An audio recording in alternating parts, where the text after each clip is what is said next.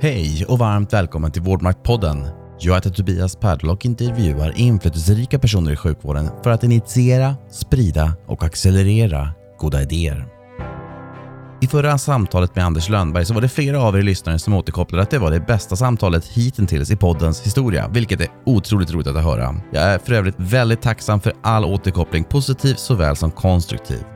I avsnitt 25 talar jag med Emma Spak, samordnare för nära vård på Sveriges kommuner och landsting och för detta ordförande för Sveriges yngre läkarförening. Emma är disputerad ST-läkare i allmänmedicin och flitigt engagerad föreläsare och debattör.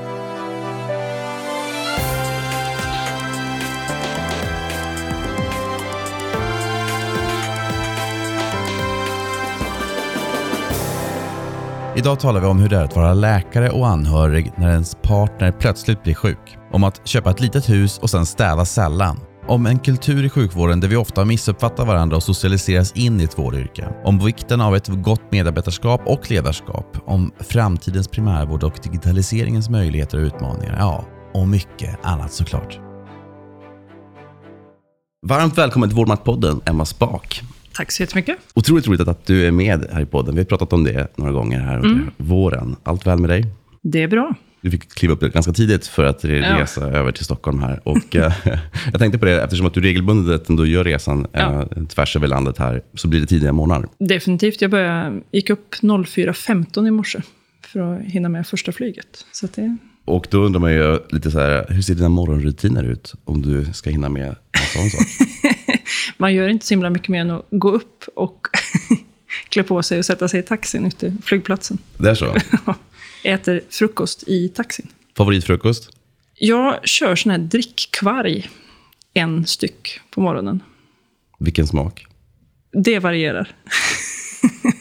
Du jobbar numera som samordnare för nära vård på Sveriges kommuner och landsting, där vi faktiskt sitter idag. Vill du beskriva vad ditt jobb går ut på? Ja, jag jobbar ju 50 procent här och syftet med, med uppdraget är ju att samordna SKLs stöd till medlemmarna då, till landsting, regioner och kommuner eh, när det gäller omställning till nära vård.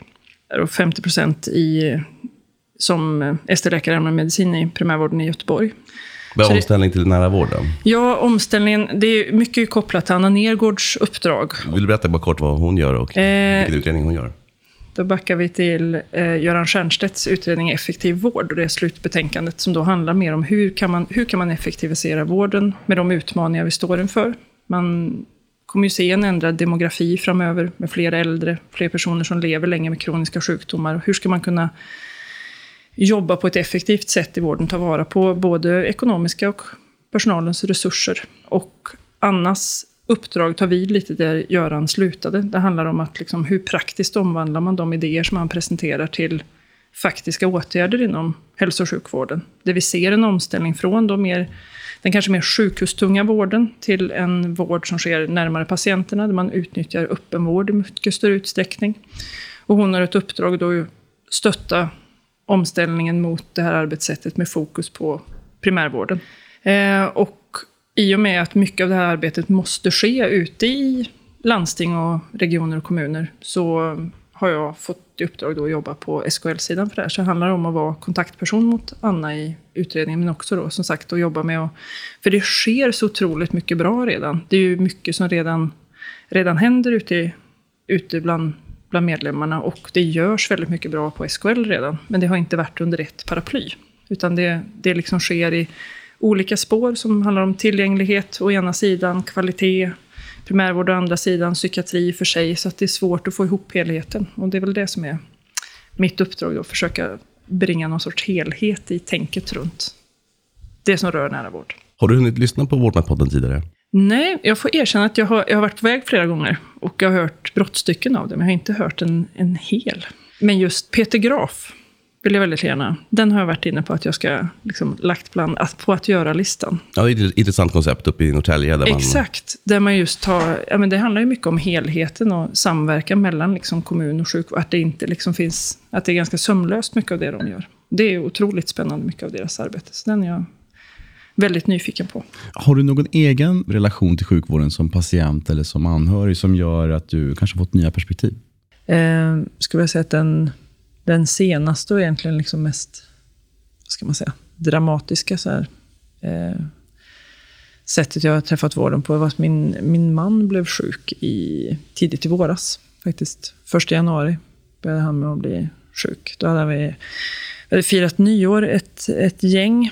Det var, av de sex vuxna så var han den enda som inte är läkare på plats. Och han mådde inte riktigt bra. Han hade feber och lite hosta och kände sig liksom risig. Och den samlade, den samlade läkarutlåtandet på kvällen var att det här var nog influensa.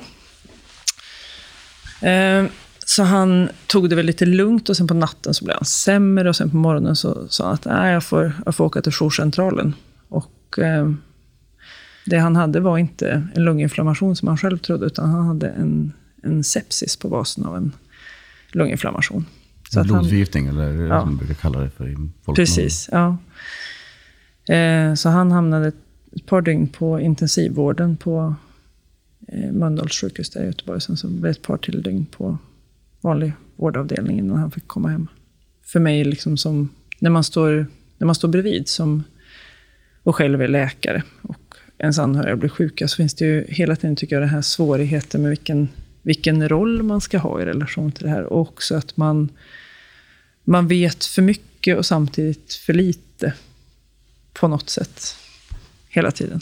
Just det att man kan liksom när man då ser, man ser delar av det som händer. Man kan, man kan se vissa prover eller vissa mätningar och sånt här och förstå vad det är som pågår. Man kan förstå mer av det som riskerar att hända. Man kan vara väl informerad av riskerna. Liksom, eller, jag tyckte det var ganska svårt. Och, liksom, den här det var, det var inte en bra start på året om man säger så. Och det var också lite så att han åkte ju själv till, till sjukhus och jag ringde honom och sen så fick jag inte tag på honom och då fick jag höra att, liksom, att det kanske är bra om du kommer hit. För han var en, jag fick ringa via liksom växeln på sjukhuset då. Jag förstod att han var överförd från jourcentral till sjukhus. Och fick veta att han var illa däran, att det var liksom läge att komma dit.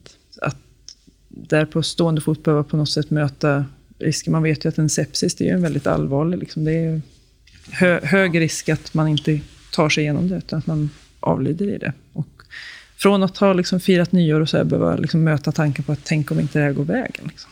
Tänk om man... Jag processade väl tankarna där under liksom, medan man skulle ordna att jag skulle åka till sjukhuset. Så innan man tänker igenom, så här, vad, vad gör jag om jag blir själv? Hur ska det här funka? Jag låg på akuten i fem timmar i väntan på att de skulle kunna få en plats på en intensivvårdsavdelning. Och, det, det är ju väldigt svårt, för det man känner då är att, att jag vet ju att han borde inte ligga här. Så samtidigt så har jag full förståelse för att man vet hur situationen ser ut. Det är inte det att alla gör ju så bra man bara kan med de förutsättningar som är. Och det måste man ju säga att han... Det är ju sådana här saker som, ja men det här vet man ju om. Men det blir ju mycket mer påtagligt när man själv är i en sån situation och ser, ser hur det funkar. Och sen blir det liksom den här lättnaden då när man kommer till en intensivvårdsavdelning man känner att här, här mäter de allt hela tiden och det är folk på plats. Liksom. Och sen är det väldigt intressant när man kommer därifrån. Och det är en sån här sak som jag inte har tänkt på så himla mycket tidigare. Man vet ju om det, men jag har inte tänkt på det så mycket förrän det blir så otroligt påtagligt att man är intensivvårdspatient fullt ut med fullt pådrag fram tills man inte längre är det. När man flyttas till en vanlig vårdavdelning själva flytten är man ju inte med om som vårdpersonal, utan man är ju bara i sin silo. Och det är väl just det här med att skapa den här... Man skulle behöva vara lite mer sömlös i, det, i det, den förflyttningen inom sjukvården, inom sjukhuset också. Liksom för att skapa trygghet. För det är väldigt mycket så när man lämnar över patienten så tar man omedelbart händerna ifrån den. Det finns liksom inget överlapp, utan det är så här, nu rycker jag mina sladdar och här tar mitt ansvar slut. För det är ju så vi jobbar, det är så det funkar. Liksom. Det är ju inte så att någon inte gör det den ska, utan det är, det är så vi är vana att, att man jobbar. Men det blir liksom lite, lite otryggt mellan de här.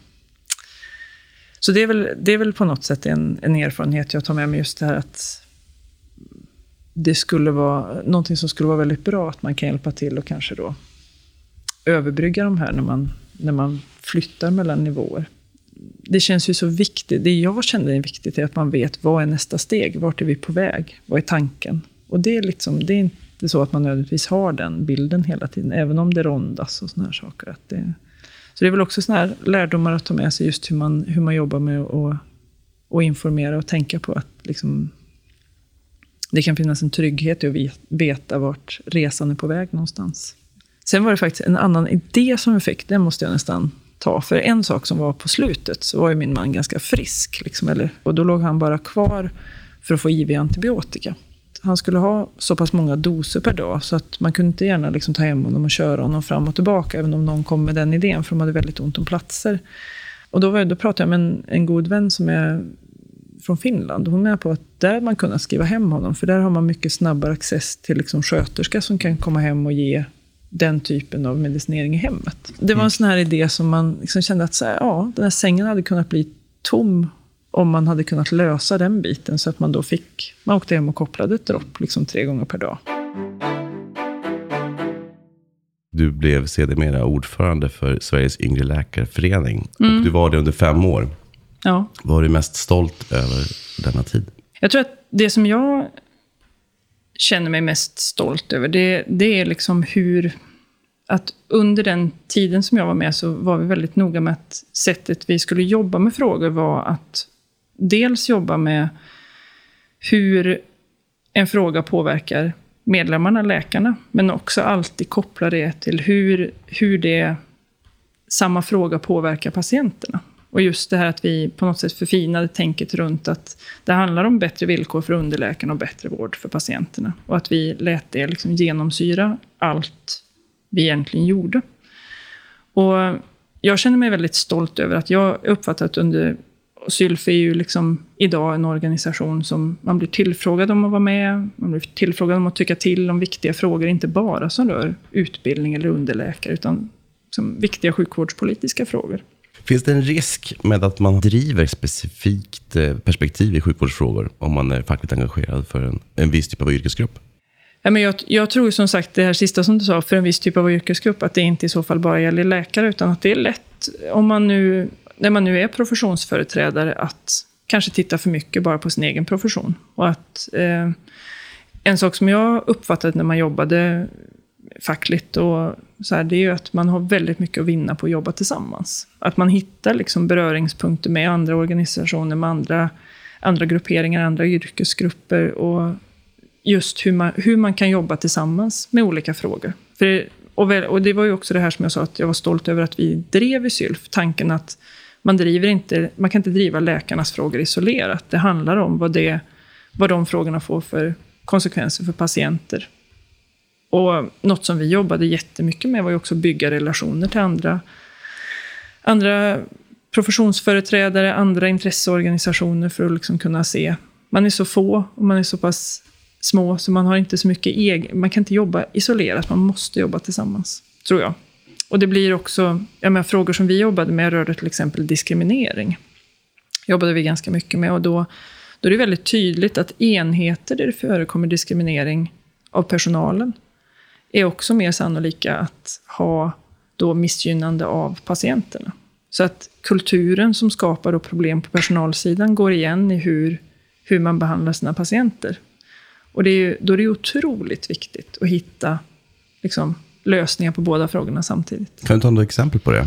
Jag ser ju mycket, jag jobbar ju som i primärvården. Jag, använder, jag, jag sjukskriver många på grund av stress. Och ser mycket det här att, och det man då hör om hur det funkar för patienter och brukare, att man, man får liksom, det är för korta intervall och folk, folk är på plats för kort tid i till exempel då äldreomsorgen. Att, att man, får, man upplever att man får låg kvalitet. Men det bygger ju mycket på att, att man inte har utrymmet som personal då att göra saker. Och att man är stressad för att man inte kan leverera bra kvalitet. Så det blir liksom det blir negativt på båda sidorna. Man upplever, man, man levererar dåligt och man upplever att man levererar dåligt och man får dåliga förutsättningar för att, för att göra det som är bra. Man ser att det blir en negativ, liksom, en negativ spiral. Så jag tror att det, det är en sån väldigt tydlig koppling när man har dålig, dåligt fungerande arbetsmiljö för personalen spiller över i att man levererar dålig kvalitet och man upplever det ännu mer själv och så späder det på varandra i en, i en negativ spiral. Precis på samma sätt som det kan bli en positiv spiral om man har bra förhållanden. Du var också eh, tidigare ordförande i Rådet för läkemedel, IT och medicinteknik. Jajamän. Eh, som ett rådgivande och beredande organ till Läkarförbundet. Ja. Och tänker att då får man ganska bra överblick och koll på dessa stora och väldigt viktiga områden. Otroligt spännande område. Vilka frågor ser du som viktiga att få grepp eh, på och eh, om inför framtiden? Jag ser ju verkligen att eh, digitaliseringen har... För det, om man nu ser det som är IT i Rådet för läkemedel och medicinteknik handlar ju om digitalisering av hälso och sjukvården. Och jag tror ju väldigt mycket att om man verkligen kan nyttiggöra digitaliseringens möjligheter så kan vi skapa otroliga mervärden i vården. Ehm, jag tror, och det, det finns ett sånt här gammalt citat som jag har använt, det är ganska gammalt och slitet, det är från när Anna-Karin Hatt var eh, IT och energiminister var hon väl samtidigt. Men hon pratade om att IT-vården har inget egenvärde i sig, utan det, är, det skapar bara ett värde när det underlättar för både patienter och personal. Det är då liksom IT och digitalisering får ett, får ett värde. Och det är någonting jag håller väldigt mycket med om, att det får inte bli liksom en, ett eget spår eller en del som man, något man ser som separat, utan det är ett av verktygen vi kan använda för att, verk, för att verkligen utveckla hälso och sjukvården. Och där tror jag att utmaningen är att på något sätt få att vi klarar av att få lagstiftning och så som fungerar så att vi verkligen kan, vi kan utbyta information på ett säkert sätt. Så att vi inte hela tiden backar tillbaka till att vi inte klarar den frågan. Det som rör som handlar om Datainspektionen och vad som är tillåtet och inte. För vi backar så lätt tillbaka in i det hörnet när det gäller alla, alla frågor, till exempel när det gäller nationell läkemedelslista, som har varit en, en stor fråga. Um, så jag tror att de frågorna behöver man få ordning på. Och sen en sak som jag ser som en utmaning framåt, det är också det här att klara av att värdera nya arbetssätt utan att backa tillbaka och använda en mall som, är garanter som garanterar att de nya arbetssätten misslyckas. Om man till exempel tittar på, på digital vård, när det gäller då vad går att göra på distans? Och det tror jag kommer att bli en, en viktig sak framåt. Att hur ska vi utvärdera, hur ska vi skapa nya sätt att till exempel diagnostisera som funkar på distans med hög kvalitet. Inte bara mäta om vi gör på rätt sätt enligt en riktlinje som är anpassad efter ett fysiskt besök. Och jag måste säga, i Almedalen i år var jag på väldigt många både seminarier och små runda bordsamtal som handlade om egenvård. Och det här tror jag, en, det här tror jag kommer att bli en st väldigt stor och viktig del av omställningen mot en nära vård. Att man kommer att kunna göra mycket mer som patient själv hemma om man är kroniskt sjuk. Vi, vi vet ju, alltså gruppen diabetiker har ju väldigt länge skött väldigt stor del av sin vård hemma och väldigt avancerade saker egentligen. Man doserar mediciner, man tar prover, man gör väldigt mycket själv. Där händer det ju väldigt mycket mer nu med att man kan ha kontinuerlig mätning, få, få se trenderna i sitt blodsocker mycket, mycket mer och liksom kunna skicka data till sjukvården mycket snabbare och få, få hjälp och stöd och feedback i, i sin egen vård. Emma, hur ser din work-life balance ut? Med tanke på att du gör ganska många saker. Vad ska man säga? Jag fick, jag fick faktiskt den här frågan, jag var och föreläste för ett nätverk kvinnliga politiker här för några veckor sedan. Då fick jag också den frågan hur, hur jag gör. Och då, så att en av hemligheterna är att jag har ganska stökigt hemma. Jag lägger inte så mycket tid på att städa. Både, jag har två barn som båda är födda under den perioden. De har varit mycket på möten, stått i sån här babyskydd under bordet på mötet och sånt där. Så de har varit med. Och det som har fått det att funka för mig är att jag har haft jättebra stöd av min man. Som har hängt med på mycket och rest tillsammans med mig. Och som sköter väldigt mycket hemma. Eh, och sen så har jag också haft jättemycket stöd av både hans föräldrar och mina föräldrar som har kunnat backa upp en del. Och sen så när vi är tillsammans i familjen hemma så, så lägger vi inte så himla mycket tid på till exempel att städa och såna grejer, utan då gör vi saker ihop. Härligt. Bra tips där. Ja, strunta i att städa. Ja, Skaffa bra. ett litet hus och städa inte så mycket. Precis. Asset light. Ja. Med tanke på ditt engagemang under ganska många år, både fackligt men också i andra avseenden, så vore det väldigt intressant att höra din take på vad, vad, vad ser du att sjukvården har för fundamentala utmaningar? Det finns ju väldigt mycket utmaningar som är identifierade i till exempel Göran Stiernstedts utredning. Man pekar ju, och väldigt många pekar ju på just det här, ja, men vi kommer ha den här stora demografiförändringen, vi kommer få en mycket större population som lever med sjukdom längre, vi kommer få en mycket större population som är äldre, kanske behöver, oavsett om man har många fler friska år, så, så är man, har man ändå ett par år på slutet av livet där man ofta har ganska mycket vårdbehov på olika sätt. Och eh, det man ju ser att ja, men vi kommer inte, basen kom, vi kan inte bara bli fler och fler och fler som jobbar i sjukvården och jobbar på samma sätt som vi alltid har gjort. Och där ligger väl mycket av utmaningen. Att på något sätt just hitta, hitta sätt att använda resurserna som finns bättre. Eh, och jag tror att det finns en stor utmaning just i att försöka attrahera eh, rätt personer till att jobba i hälso och sjukvården. Personer som är engagerade, personer som vill vara med och utveckla hälso och sjukvården och som ser det som en framtids, framtidsbransch. Nej, men jag, jag tror just det här att, att för, för, att utveckla så måste man ju ha personer som vill och, vill och kan driva utveckling. Man måste lyckas få personer att, att vilja välja hälso och sjukvården som sin, sitt, sin karriär, som sitt yrkeslivsval. Och då måste man ju också få man måste kunna rekrytera och säga att här, här kommer det att ske mycket utveckling. Här finns det möjlighet att, att jobba på det sättet. Och um, en, en utmaning är väl då att ändra gamla strukturer. Det finns väldigt mycket struktur i sjukvården som det, det är svårt att föra in nytt. Det är ganska trögt att föra in nya, nya tankar. Nej, men jag, tror, jag tror som sagt att dels så har vi ju den, den eh, resursutmaningen, där vi måste hitta sätt att använda våra resurser bättre, mer effektivt. Och det är ju den stora liksom, övergripande utmaningen. Men jag tror också vi har en kulturell utmaning. Och det, det är ju saker som vi mötte. När jag jobbade i Sylf så pratade vi mycket om, ja men till exempel när man då diskuterade diskriminering. Att vad är, man, man skolas in i sätt att tänka, eller liksom hur, hur är min yrkesroll? Och det bygger man ju mycket på att man träffar äldre kollegor som, och så, det är ju mycket av ett lärlings, lärlingsyrken i hälso och sjukvården. Oavsett yrkesgrupp egentligen så lär man sig väldigt mycket genom att kopiera vad kollegorna gör. Och då är det lätt att föra liksom en, ja, men en kultur vidare. Om man inte har en öppen diskussion runt hur funkar egentligen kulturen på vår arbetsplats? Hur jobbar vi med varandra? En, en sak som jag tycker är intressant, som jag har sett siffror på, eh, just det här när man inte pratar med varandra, så att man inte genomskådar att den andra, att man, man egentligen har ganska lika tankar om någonting. Det är att om man tittar på läkare så deltar läkare väldigt sällan i, eller det är ofta man inte är med på APT, sådana arbetsplatsträffar. Som då är för hela personalen. För läkare jobbar ofta på flera olika arbetsplatser. Man kanske jobbar både på akuten och mottagningen och avdelningen och kanske på flera avdelningar. Så det är svårt att matcha in och ha tid att vara med. För det är ofta inte inplanerat så att det är det, är det lättaste. Och då har man tittat på, då, jag kommer inte ihåg exakt vem som hade skrivit den här studien eller tittat på det, men då var det om man tittar på läkare så var det många läkare som sa att ja, men vi, vi känner oss inte riktigt välkomna, vi är inte del av gruppen. Det känns som att det är svårt att liksom påverka för vi är inte med, det är inte anpassat så att vi kan delta. Och så frågade man annan vårdpersonal, då, sjuksköterskor bland annat, undersköterskor, vad, hur de uppfattade läkarnas frånvaro. Och då var det så här, ja men de vill inte vara med, de är inte intresserade. Och om man inte liksom någonstans gemensamt tittar på att det är ett problem att vi inte alla är med, så bygger man en... Man bygger utifrån någon bild som man har med sig om, om den andra gruppen.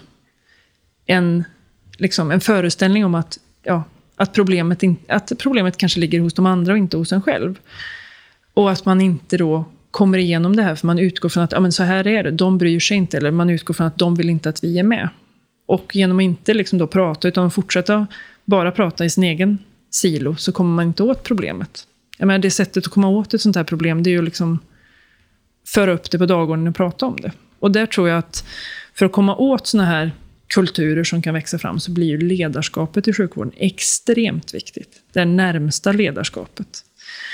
Den chefen som finns liksom i verksamheten, som måste fånga upp såna här saker. Och adressera dem. Och jag tror just den här kulturen då man inte pratar med varandra, man bara liksom tittar man tittar bara på sin egen gruppering eller man, man, man ser att det inte, vi kan inte vara med för det är riggat för att vi inte ska med, vara med till exempel. Och då, då tror jag att det blir, då får man inte den här utvecklingen som man behöver och som då är till gagn för de vi är till för, det vill säga våra patienter. Det finns en amerikansk eh, akutläkarkollega som, som när han kom till Sverige blev han helt frapperad över att det finns en kultur av att när man jobbar med akutsjukvård mm. som underläkare, så man lämnas ganska vind för våg att jobba. Ja. Nätter och sånt där. Helt plötsligt så är man helt själv. Eh, man mm. kanske har någon att ringa, men, men liksom på plats ja. är det inte säkert att man har det. Men en annan del var, man eh, behöver bara prata med en äldre kollega när man lägger in någon. När man skickar mm. hem någon så tillåts man göra det nästan. Fast egentligen tvärtom. Det är ju verkligen tvärtom. Att när man skickar hem någon och tar beslutet att den personen behöver inte vård, det är ju egentligen då man verkligen behöver tänka efter. Nej, det är ganska intressant. Och i ja. USA, ja. jämfört med USA, där, där liksom, du får aldrig någonsin ta ett beslut om att skicka Nej. hem en patient utan att prata med en äldre kollega. Om du lägger in en, kollega, en patient Ja. så är det inte lika viktigt. Ja, det är ju jätteintressant, just en sån eh, kulturfråga. Det är också någonting som jag har varit med och sett när man då har skrivit... Jag har ju varit med och jobbat med sylsateranking under många år. Och där fångar man ju mycket i fritextsvar om, om hur man upplever sin situation. Och det en fråga som det var mycket prat om är just det här med att gå ensamma jourer. Någonting som ju IVO har slagit ner på och sagt att det är inte, det är inte, acceptabelt, det är inte acceptabelt att man är helt ensamt arbetande innan man är legitimerad. Och, men någonting som vi såg där, att det som spelar väldigt stor roll är ju som sagt inte bara att man formellt har ett stöd, utan att det då även liksom i, i det praktiska verkligen finns ett stöd. Och att det är så otroligt viktigt för att få fungerande kvalitet. Just det här att och där ser det väldigt olika ut på olika ställen. Att på vissa kliniker så kanske man då inte har eh, som ung läkare någon på plats. Men å andra sidan så är det extremt tydligt markerat att du ringer oavsett. Liksom. Och att man kanske till och med så att den äldre kollegan ringer och säger att nu går jag ut och den som är bakjour i hemmet och ringer och säger att ja, men nu går jag och joggar i 20 minuter. Liksom. Att, är allting okej? Är det någonting som är just nu? Annars vet jag att jag är tillbaka om en, en 20 minuter. Jag tar bara en snabb tur. Eller liksom det här att man att man är så tydlig med att det är tillåtande när det gäller att fråga, att man förväntas fråga. Att det, är inte, det är ett tecken på, på mognad att våga liksom fråga. Men om man då istället har en kultur med att ring inte mig, då kommer man att skapa, liksom, då, då, finns ju, då är ju risken för fel mycket större.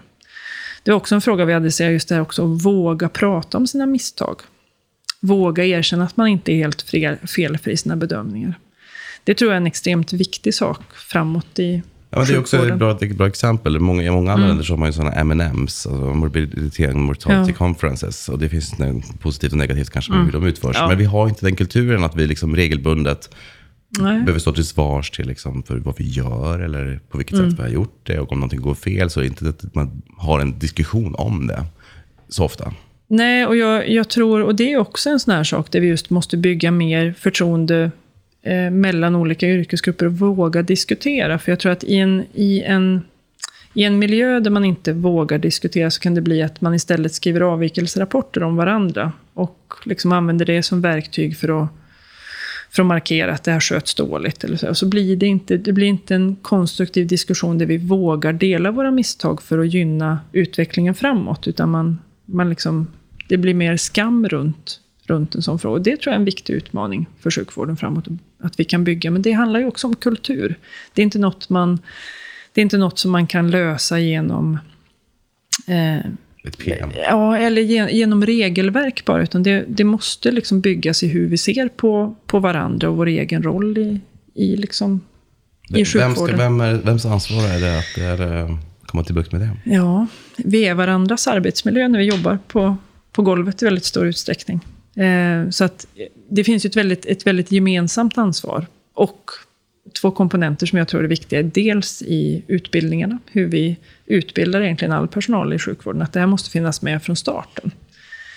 För det är det som är, det är, det som är grejen, tror jag, just det här med att socialiseras in i en yrkesroll. Att om man ska bryta någonting, göra någon förändring på systematiskt, så måste man börja med de som är nya.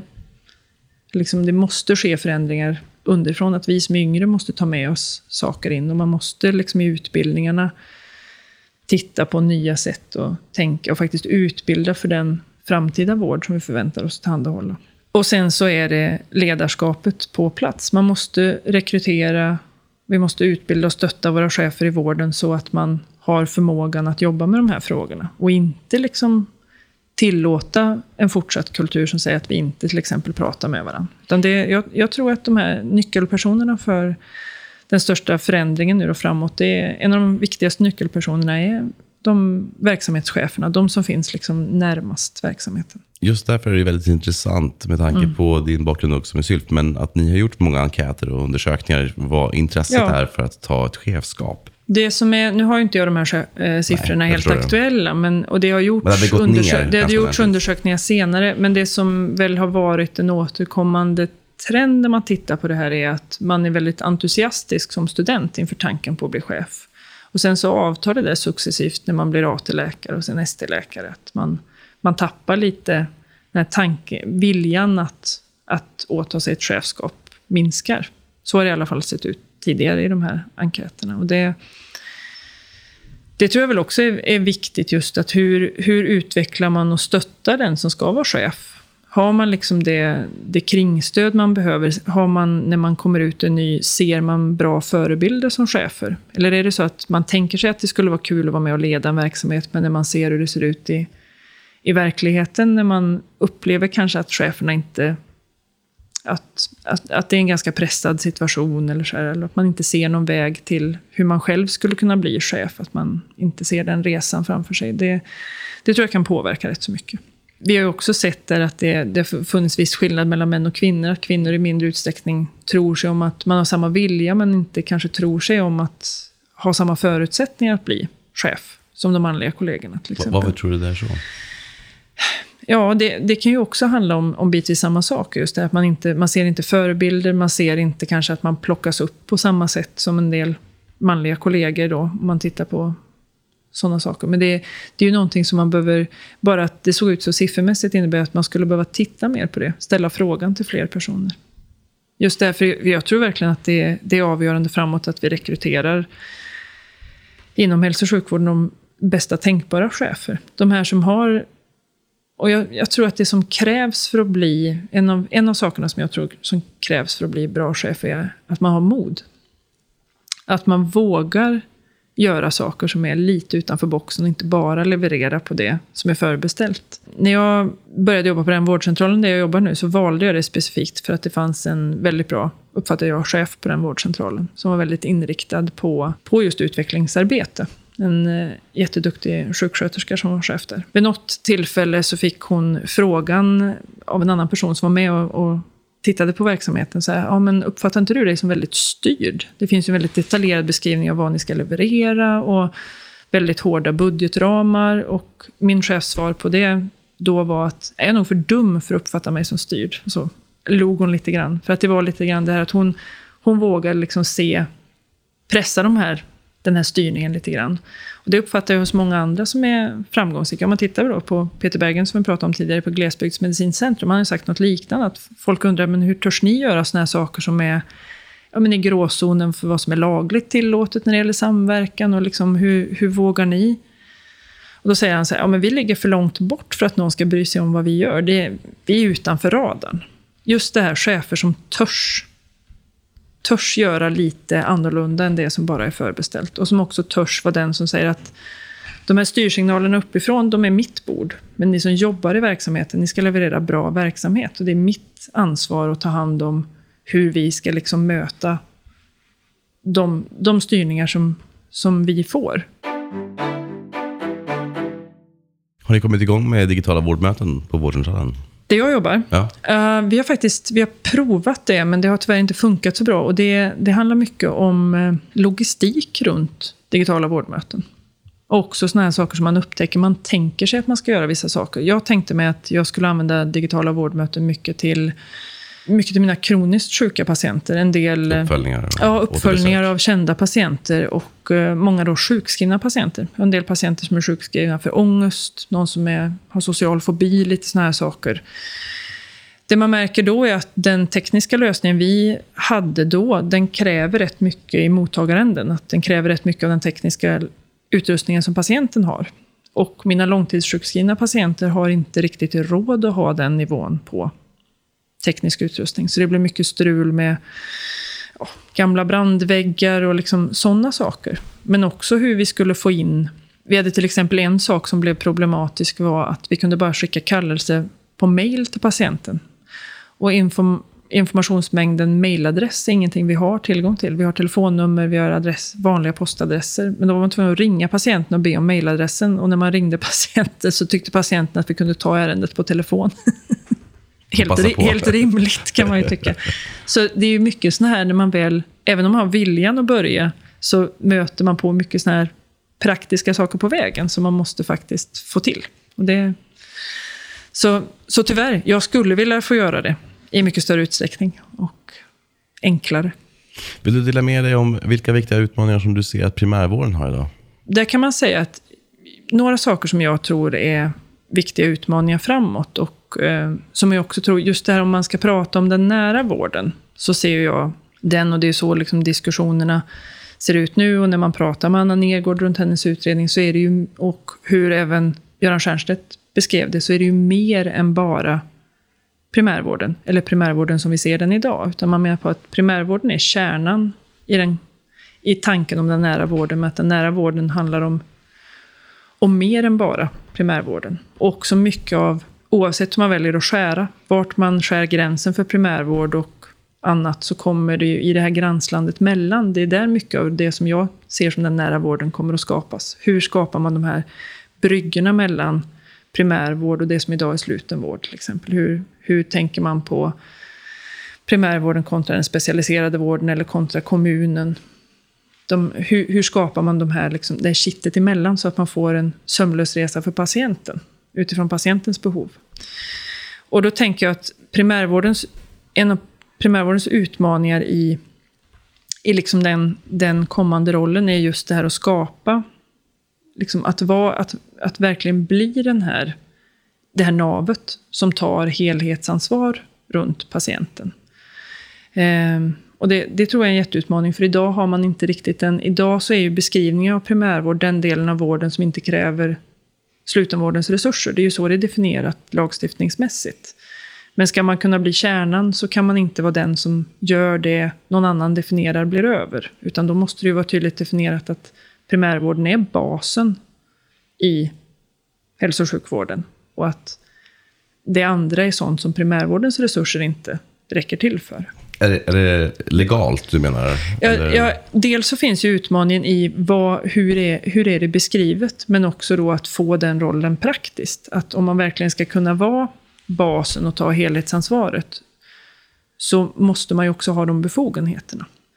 Och jag tror också att stora utmaningar framåt är ju att klara av att skapa den kontinuitet som behövs för att kunna ta det helhetsansvaret. Och att ha den bemanning, oavsett vilken kompetens det är vi pratar om, för att kunna ta det ansvaret. Så det finns ju utmaningar både när det gäller, gäller kompetensförsörjningen och arbetssättet på något sätt. Att verkligen, för det är ju många som säger när man diskuterar att ja, men så där jobbar vi redan, eller så där vill vi redan jobba. Men just det att komma från, från på något sätt den teoretiska tanken om hur det borde vara till att faktiskt kunna utföra det. Att faktiskt kunna ta det här helhetsansvaret. En fråga som um, jag inte märker så mycket i debatten och därför mm. ställer jag den. Mm. Uh, jag kommer själv från, från uh, Norrbotten utanför Luleå. Och, uh, har jobbat en hel del där uppe av och till och även i Västerbotten, Västernorrlands läns landsting. Ja. Och jag tar upp de här landstingen, eller regionerna som ett exempel för att Eh, där är det vanligt att eh, över, överlag att det är över 50 procent vakanta primärvårdsläkartjänster. Ja. Och i glesbygd kan det vara 100 procent eh, vakanta mm. primärvårdsläkartjänster. Och det, det, sker ju liksom en urbanisering till de lokala tätorterna. Mm.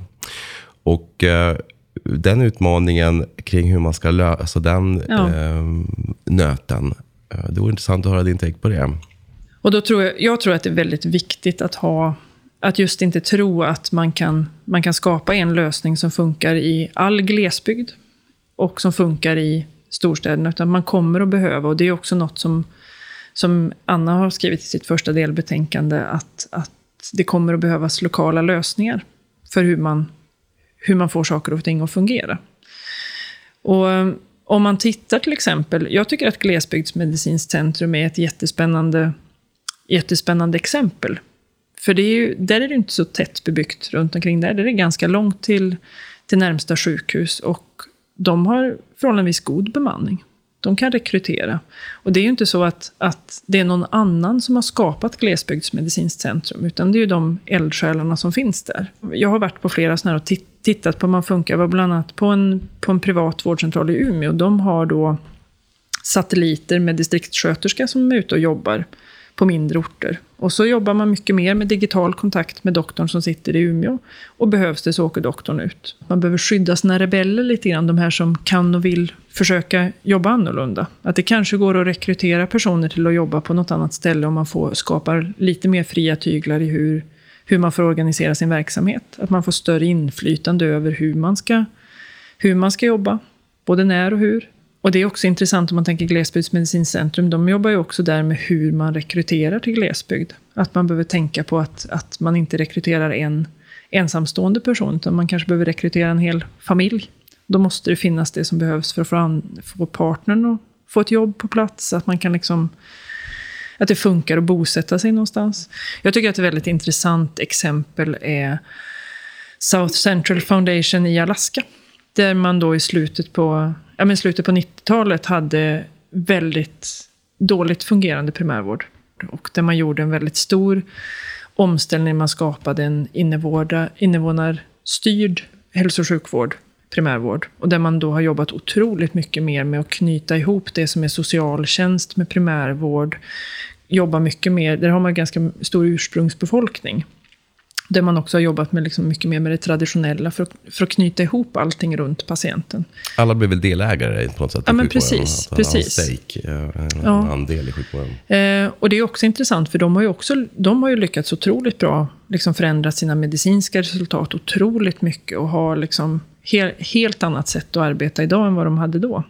Så det finns ju, på olika ställen så prövar man olika lösningar. Jag tycker just det här Alaska-exemplet är väldigt, ja, men väldigt spännande. Inte nödvändigtvis för, att man, för den organisatoriska lösningen, men det de satt upp som mål för sitt arbete, att det är väldigt patient eller invånarfokuserat. Att man bygger väldigt mycket runt, nu är patienten här hos oss, då gör vi allt som patienten behöver idag. Man har liksom ett tydligt, man bygger mycket runt kontinuitet, så patienten känner sitt vårdteam. Man jobbar mycket med att man gör saker på plats. Att om patienten, om man behöver diskutera med, med en kardiolog, så kontaktar man kardiologen när patienten befinner sig i primärvården. Och så löser man en väldigt stor andel av problemen där och då. Man behöver inte skicka patienten eller skicka remisser som vi ägnar oss mycket åt idag. Därför att man är väldigt fokuserad på, på en, helheten, att lösa allting så mycket som möjligt där och då. För att tiden när vi ses är väldigt dyrbar liksom just, det här, just det här tänket som blir väldigt mycket att basen är där i primärvården. Och det är därför jag tror att det är svårt att säga att ja, men just den här lösningen ska man kopiera. Det är så lätt när man försöker kopiera en lösning att man kopierar fel saker. Jag har sett sådana till exempel när man eh, försökte verksamhetsutveckla ett akutintag och så hade man varit och tittat på ett annat akutintag där man jobbade med lin där är ju ändå basen i det tänket att man jobbar med verksamhetsutvecklingen väldigt mycket. Att alla är inkluderade, att man, man gör och utvärderar och sen så gör man, gör man ändringar. Det är mycket det metoden handlar om. Men det som kopierades var vilka tejp, tejpar man skulle ha på marken och att man skulle ha en whiteboard på väggen. Och att man kopierade det de andra kom fram till när de gjorde sitt verksamhet, sin verksamhetsutveckling. Och så tror jag att det, det kan lätt bli så när vi tittar på försöker lära oss av andra länder, att man, man försöker plocka, istället för att lära sig av hur man drev förändringsarbetet, så försöker man stjäla det som blev resultatet.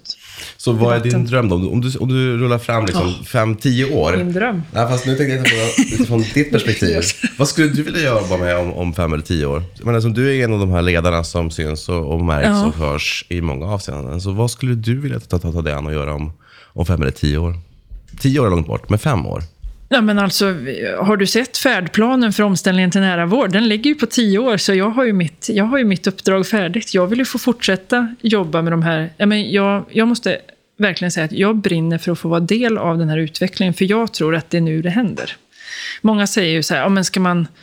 Det har snackats så mycket om att man ska utveckla primärvården eller man ska ställa om till olika saker. Och Sen 60-talet var, var, var, var, Ja, precis. Varför ska man tro på det här nu? Och Nej, men jag, jag är ändå övertygad om att vi nu har nått till någon sorts kritisk punkt där det är så många som är övertygade. Och där det, där det finns ändå en, ett commitment från, från väldigt många håll.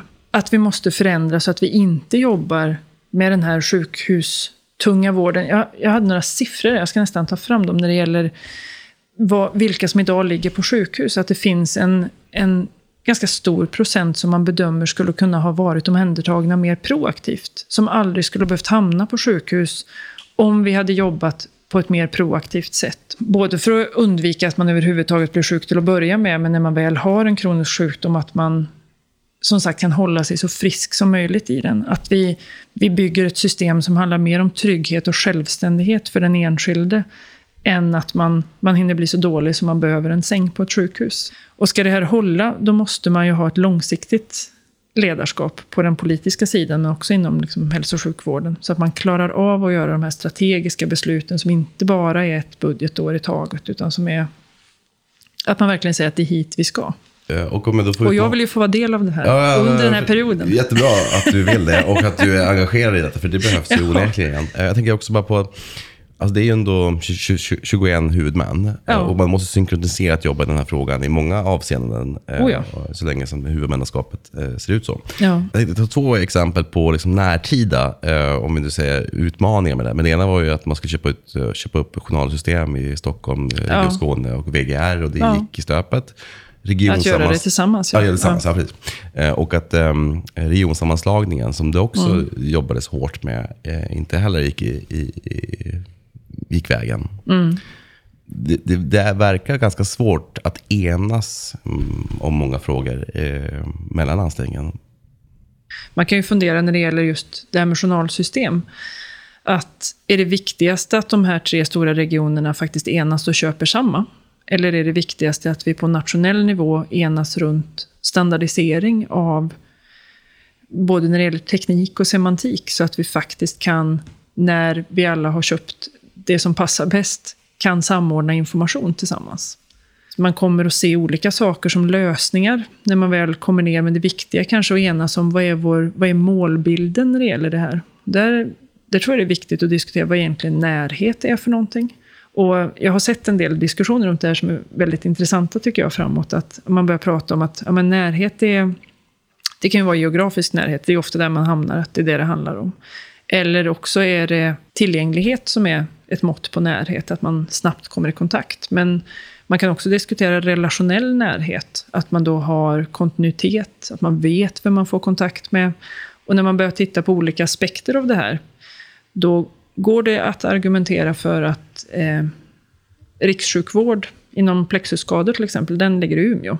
Det är, det är ganska långt ifrån de flesta i landet. Men de jobbar jättemycket med digital teknik och kan leverera eh, högspecialiserad rikssjukvård hemma i vardagsrummet i Simrishamn.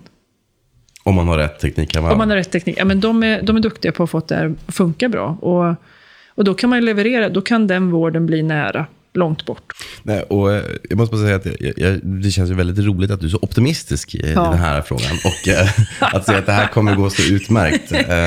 Och, då, och tillbaka, vad är det som gör att du tror och känner är sån optimism? Jag tror man måste känna optimism, annars skulle, man ju, annars skulle det bli för eländigt. Alltså. Ett möte som var väldigt viktigt för mig eh, var för några år sedan, eh, när jag, under Almedalsveckan. Då träffar man ju många högdjur inom många områden. Man, har man tur får man träffa någon minister och man får träffa generaldirektörer och så här. Men det året var det absolut viktigaste mötet jag hade i Almedalen med två ST-kollegor. Två tjejer som jobbar på, semesterläkare i allmänmedicin på Gotland.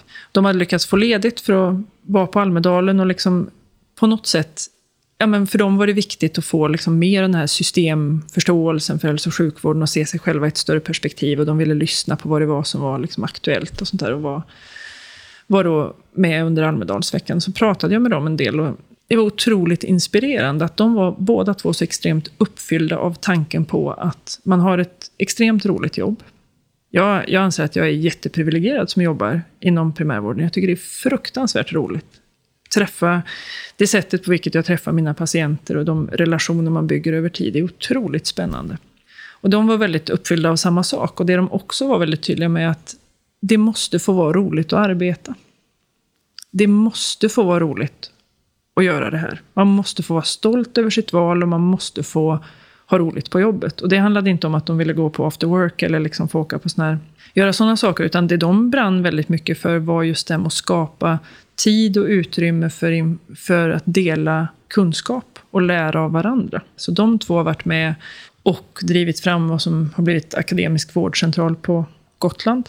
Och det, de hade inga formella positioner. De hade inget, liksom, ingen plattform att ta det här ifrån, utan de är vanliga ST-läkare som jobbar inom primärvården, som uppfyllda av liksom den här kraften av att det är roligt att jobba och det måste vara roligt att jobba, driver förändring. Och jag tror att det är sånt som gör mig väldigt övertygad om att det kommer att gå bra, eller vi kommer att ta oss framåt. Det för att det finns så otroligt mycket människor som jobbar inom hälso och sjukvården, oavsett yrkes, yrkesval på, inom alla professioner och det finns otroligt många engagerade patienter och politiker som vill förändring. Det gäller bara som sagt stötta oss när rebeller och ge de här personerna utrymme att driva det här förändringsarbetet. Och, det, och jag, jag, är liksom, jag, är, jag är övertygad om att, om att det, det här kan bli så otroligt bra. Vi pratade ju en del eh, här tidigare om digitaliseringen och mm. Eh, digitala vårdmöten och vad som händer där. Precis. Vad tror du kommer ske de kommande fem, tio åren inom, inom det gebitet? Jag tror att det kommer att hända väldigt, väldigt mycket. Det rullar ju extremt snabbt. Om man tittar på vad vi tänkte för några år sedan så, så tror jag inte vi hade kunnat föreställa oss att det skulle ha hänt så mycket som det, som det redan har hänt med att det poppar upp andra vårdgivare som är helt digitala och att de nu funderar, flera av dem funderar på, på att gå in i den traditionella vården och också tillhandahålla fysiska besök. Och just det som jag var inne på, att man behöver, tror jag, väldigt mycket mer nya sätt att fundera på hur man levererar, så att man inte bara levererar en digital version av dagens vård. Jag har ganska ofta använt eh, analogin med musik, musikindustrin. Man börjar med den, den analoga LP-skivan och sen så digitaliserar man till en CD-skiva. Då har man ju informationsdigitaliserat. Egentligen så är ju sättet att konsumera musiken identiskt. Men när man då börjar leverera Spotify istället, då får man ett annat sätt att, att, att nyttiggöra musik. Att man, man liksom får andra sätt att konsumera det. Man, har inte liksom, man kan välja själv i vilken ordning man tar det. Man kan dela det på nätet, man kan lyssna vart som helst. Man kan, ja, vi är lite på Spotify, på väg mot Spotify i vården med de här digitala vårdgivarna. Jag tror att det behövs. Och det är väl också, vi kommer tillbaka till det här med att man behöver skydda dem som, då, som går lite före och som provar nya saker. Just det, nej, jag tänkte också att, att eh, just när vi pratar om digitala vårdkontakter, mm. det, har ju, det har ju också rönt en del frustration bland ja, ja. vissa grupper och liksom, ja. som ser rött på det här. Jo, men när man inte kommunicerar, när man inte ser vad den andra syfte är med att göra någonting, och man inte förstår vad man inte förstår varann, då skapas det mycket mer föreställningar om om vad som är fel eller vad, vad de andra har för avsikter. Men jag tror just när det gäller digitala vårdgivare, att om man är, det är liksom ingenting som jag tror att någon har att vinna på att man försöker liksom tvinga bort, utan det kommer att ske utveckling. Men en sak som vi är duktiga på idag, tror jag på många håll, är att vi ställer väldigt mycket krav på ny teknik och glömmer att ställa krav på det vi har som standard. Jag läste ett citat på, på Twitter i samband med diskussion runt digitala vårdmöten att det kommer ju de här utvärderingarna från, från Jönköping om hur det hade fungerat med till exempel då infektionspatienter och hur digitala vårdmöten, huruvida man hade följt riktlinjerna för vissa diagnoser eller inte.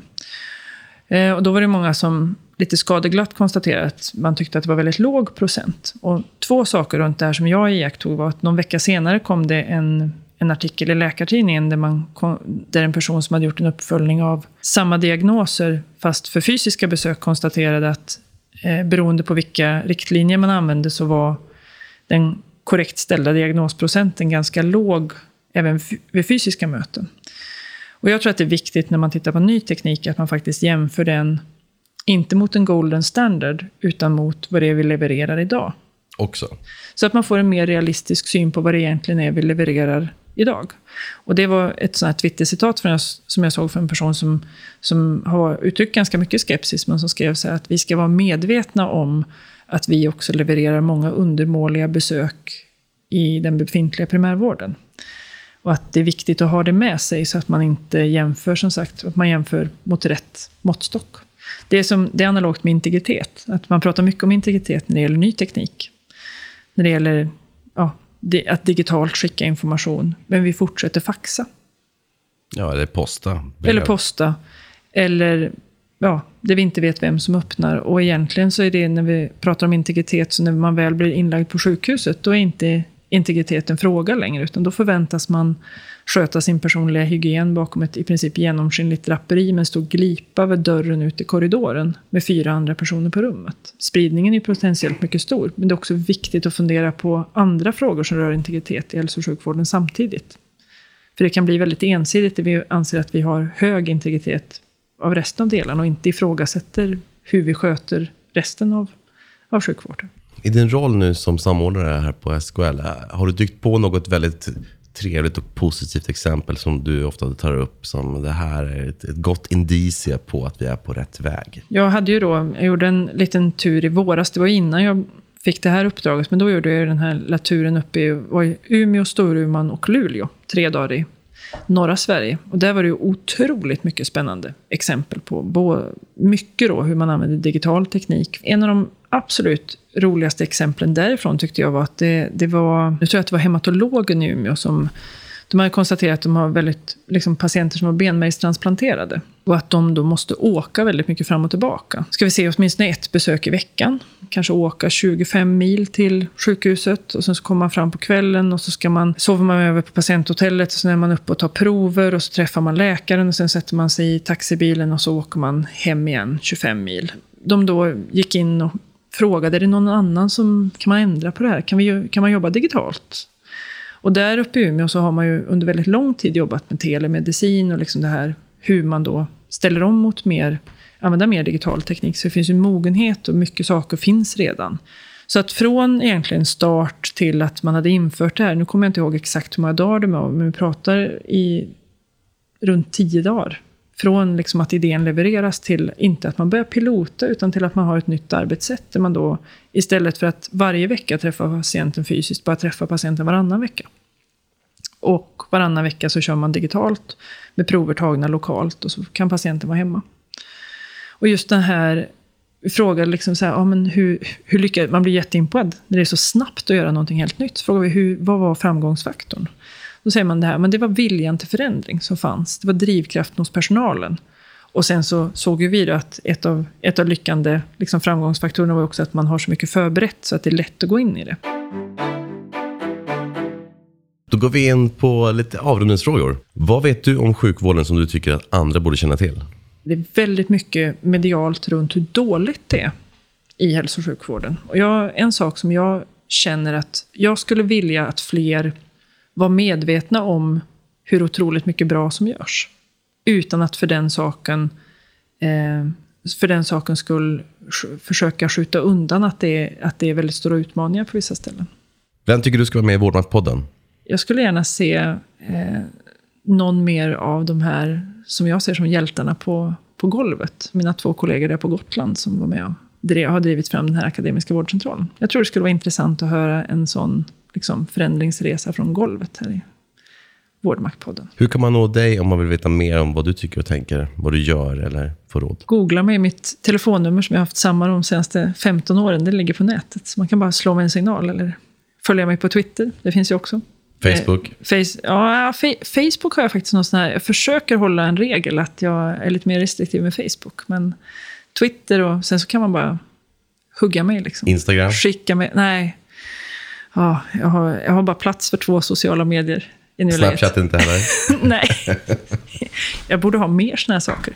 Men definitivt på Twitter. Och sen så är jag som sagt, jag är väldigt öppen för att träffa folk och jag åker gärna ut och liksom tittar på på verksamheter där man försöker tänka nytt eller göra annorlunda eller liksom har idéer. Är det något som du hade önskat eller tänkt att tala om idag som vi inte har berört? Vi har ju pratat en del om, om ledarskapet, som jag ser som otroligt viktigt framåt. Både det nära, nära verksamheten, men också det övergripande politiska och uthålligheten och modet som kommer att krävas framåt. Det ser jag som viktiga saker. Sen så har jag nog fått vara inne på de flesta av mina hjärtefrågor. Stort innerligt tack för att du var med i Vårdmaktpodden, eh, Tack så mycket. Ja. Ha en bra dag. Tack, detsamma.